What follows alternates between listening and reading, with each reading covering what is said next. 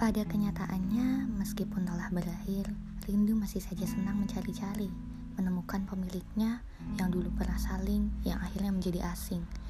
Pastinya kita semua pernah ada di posisi kehilangan orang yang paling kita sayangi, bukan? Tapi semua akan ada hikmah baiknya kok. Aku percaya itu. Semoga kita tidak lupa bahagia dan mensyukuri hidup ya.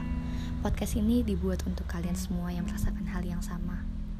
And everything in your sunset is about color of our heart. Hope you enjoy it guys.